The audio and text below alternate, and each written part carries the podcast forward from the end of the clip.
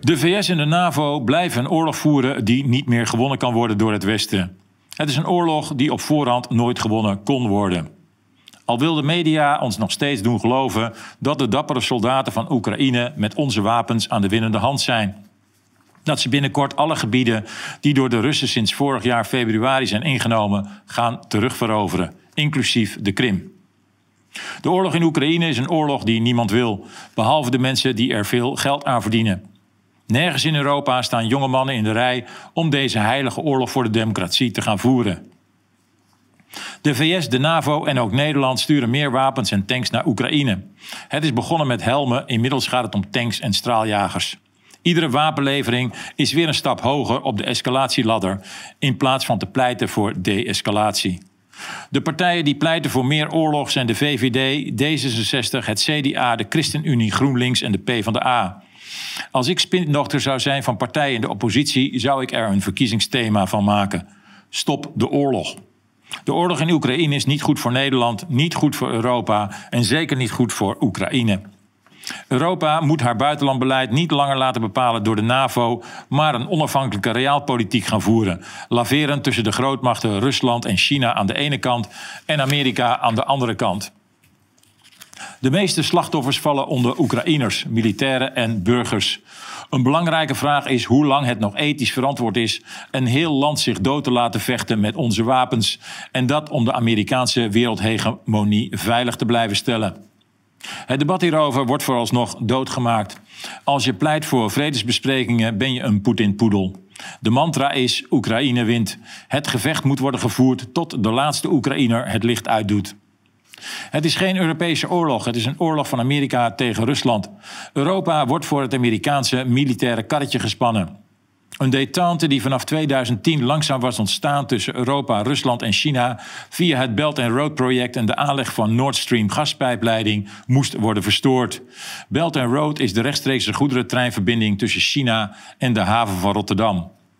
Een route die parallel loopt met de eeuwenoude zijderoute, die eeuwen geleden, lang voor de ontdekking van Amerika, welvaart bracht op het Eurasië-continent. Nord Stream is de rechtstreekse gaspijpleiding vanuit Rusland naar Duitsland, die onlangs is opgeblazen. Een gaspijpleiding die Duitsland voorzag van relatief goedkope energie.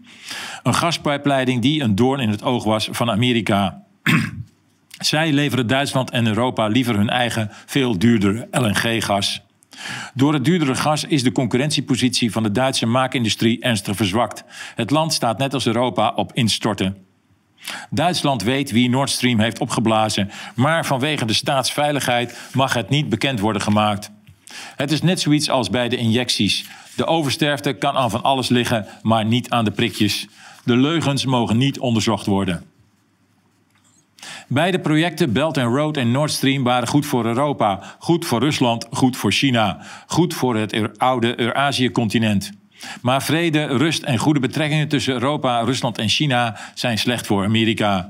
Het is een rechtstreekse bedreiging voor de Amerikaanse wereldhegemonie, hegemonie, die ze sinds Wereldoorlog II hebben. Een wereldhegemonie die ze geen windeieren heeft opgeleverd en die ze niet willen opgeven en kosten wat het kost willen consolideren. Daarom is er brand gesticht in het hart van Europa, Oekraïne. Eurazië mag niet te machtig worden van de VS. De unipolaire wereldhegemonie van de VS staat op het spel. Alles draait om de grondstoffen, zei meester Kiel, mijn aardrijkskundeleraar op de middelbare school altijd. Grondstoffen die in de Donbass en Rusland ruim aanwezig zijn. Grondstoffen die belangrijk zijn om die wereldhegemonie te consolideren. De beproefde manier van Amerika is om die grondstoffen te stelen door landen niet te bezetten, maar simpelweg te vernietigen en over te nemen. We zagen dit in Libië, Irak en Afghanistan. In Oekraïne zien we weer dezelfde strategie: vernietigen en daarna wat overblijft voor een appel en een ei overnemen. Ik heb Amerika al eerder vergeleken met een loesje aannemer. Eerst slaat hij je huis in elkaar, vervolgens geeft hij een lening om je eigen huis weer op te bouwen. Maar Poetin staat in de weg. Hij is een krachtige huiseigenaar. De VS en de NAVO hebben zich verkeken op de militair en maatschappelijke kracht van Rusland. Een kernmacht die zich niet zomaar aan de kant laat zetten. Voor Rusland is het inmiddels een existentiële oorlog. Het voortbestaan van het land staat op het spel. Angela Merkel en François Hollande hebben onlangs verklaard dat de Russen zijn voorgelogen. Het Minsk-akkoord uit 2014 was bedoeld om het Westen meer tijd te geven de Oekraïne tot de tanden toe te bewapenen, lid te maken van de EU en de NAVO en zo een rechtstreekse bedreiging te worden voor het voortbestaan van Rusland. Vergelijkbaar met Russische of Chinese troepen opbouwen aan de grens met Mexico. Zover heeft Poetin het niet laten komen. Februari 2022 vielen de Russen Oekraïne binnen om het land te denazificeren en te demilitariseren. En zo de dreiging van de NAVO in de kiem te smoren. Verder is het maar de vraag of de daadwerkelijke beschietingen al niet een week eerder begonnen. OVSE-waarnemers berichten een week voor de start van de militaire operatie van Rusland dat het Donbass werd gebombardeerd door het Oekraïense leger. Alles is perceptie en propaganda, net als bij het COVID-verhaal. Voor de militaire actie van Poetin in februari 2022 had Oekraïne, mede door de bewapening door het Westen, een van de grootste legers van Europa. Daar, daar, is na een jaar oorlog niet veel meer van over. Volgens de Amerikaanse kolonel Douglas McGregor zijn de verliezen aan de Oekraïnse kant veel groter dan aan de Russische kant. Voor iedere, dode Russische, voor iedere dode Russische soldaat sterven acht Oekraïnse soldaten. Inmiddels al meer dan 150.000. Meer westerse wapens leiden de facto tot de verwoesting van de hele Oekraïne. Bovendien hebben ze geen enkele invloed op de uiteindelijke afloop. Een overwinning voor Rusland, al dus de kolonel.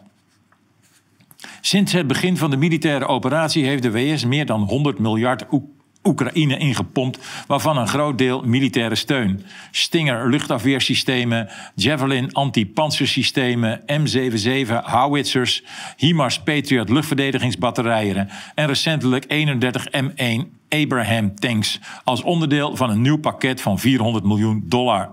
Deze tanks zullen worden aangevuld met 14 Duitse Leopard tanks, 14 Britse Challenger 2 tanks en tanks van andere NAVO-leden, waaronder Polen.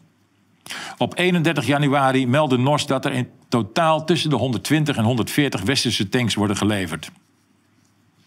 We vechten een oorlog tegen Rusland. Belangrijk is dat we dat samen doen, zegt de Duitse minister van Defensie Beerbok op 25 januari. Maar de NAVO bluft. Voorlopig zijn de tanks geen gamechanger. Ze worden pas geleverd in april. Een opleiding om de tanks te besturen duurt minimaal vier maanden. De tanks verschijnen dus niet voor september 2023 op het slagveld. Om een omslag te bewerkstelligen, zullen Amerikaanse of NAVO-troepen moeten worden ingezend. Troepen die in Europa onvoldoende voorradig zijn. Er zijn naar schatting 50.000 Amerikaanse gevechtstroepen in Europa. Rond Oekraïne heeft Rusland volgens de Amerikaanse kolonel Douglas McGregor weer honderdduizenden gevechtstroepen paraat. Oekraïne leidt momenteel enorme verliezen en het Russische offensief moet nog komen. Rusland stopt niet meer tot het leger van Oekraïne is vernietigd en de regering van Zelensky is afgezet. Oekraïne is failliet. Volgens het IMF heeft het land minstens 3 miljard dollar per maand nodig om de economie overeind te houden. Zelensky wil iedere maand minimaal 8 miljard. Inmiddels ligt 50% van de stroom- en energievoorziening plat. 14 miljoen Oekraïners zijn ontheemd, miljoenen zitten in de kou en zijn afhankelijk van humanitaire hulp. Ieder moment kan het corrupte Zelensky-regime in elkaar storten. Een regime vergelijkbaar met Latijns-Amerikaanse regimes die de laatste 50 jaar door de CIA in het zadel zijn geholpen. Ursula von der Leyen doet nog een dappere poging hem het hand boven het hoofd te houden, maar alles staat op instorten.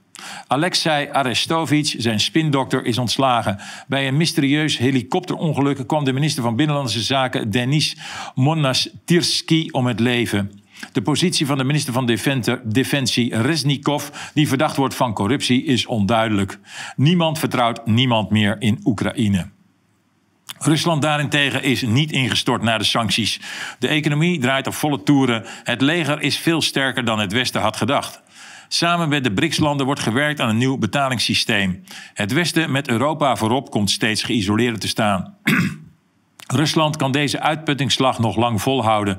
De Oekraïne staat op instorten, net als Europa, waar de levensstandaard het snelst daalt sinds Wereldoorlog 2. Blijft de NAVO Oekraïne steunen zolang de oorlog duurt, zoals Rutte onlangs riep.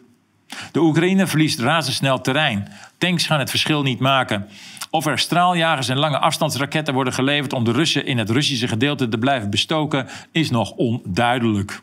Komt er nog een krankzinnige poging om een onvermijdelijke nederlaag te voorkomen? De New York Times, het verlengstuk van de inlichtingendiensten in de VS, gooide hier onlangs een balletje over op. Een, een directe aanval op de Krim voordat Oekraïne in elkaar stort. Het betekent een rechtstreekse NAVO-oorlog tegen Rusland. Een oorlog die in een kernoorlog kan ontaarden. Een kernoorlog die het eind van de beschaving betekent. De bevolking gelooft steeds minder van het verhaal: we doen het voor de democratie in Oekraïne. Wij voeren geen existentiële oorlog. Die propaganda is uitgewerkt. Net als de coronaslogan: we doen het voor opa en oma.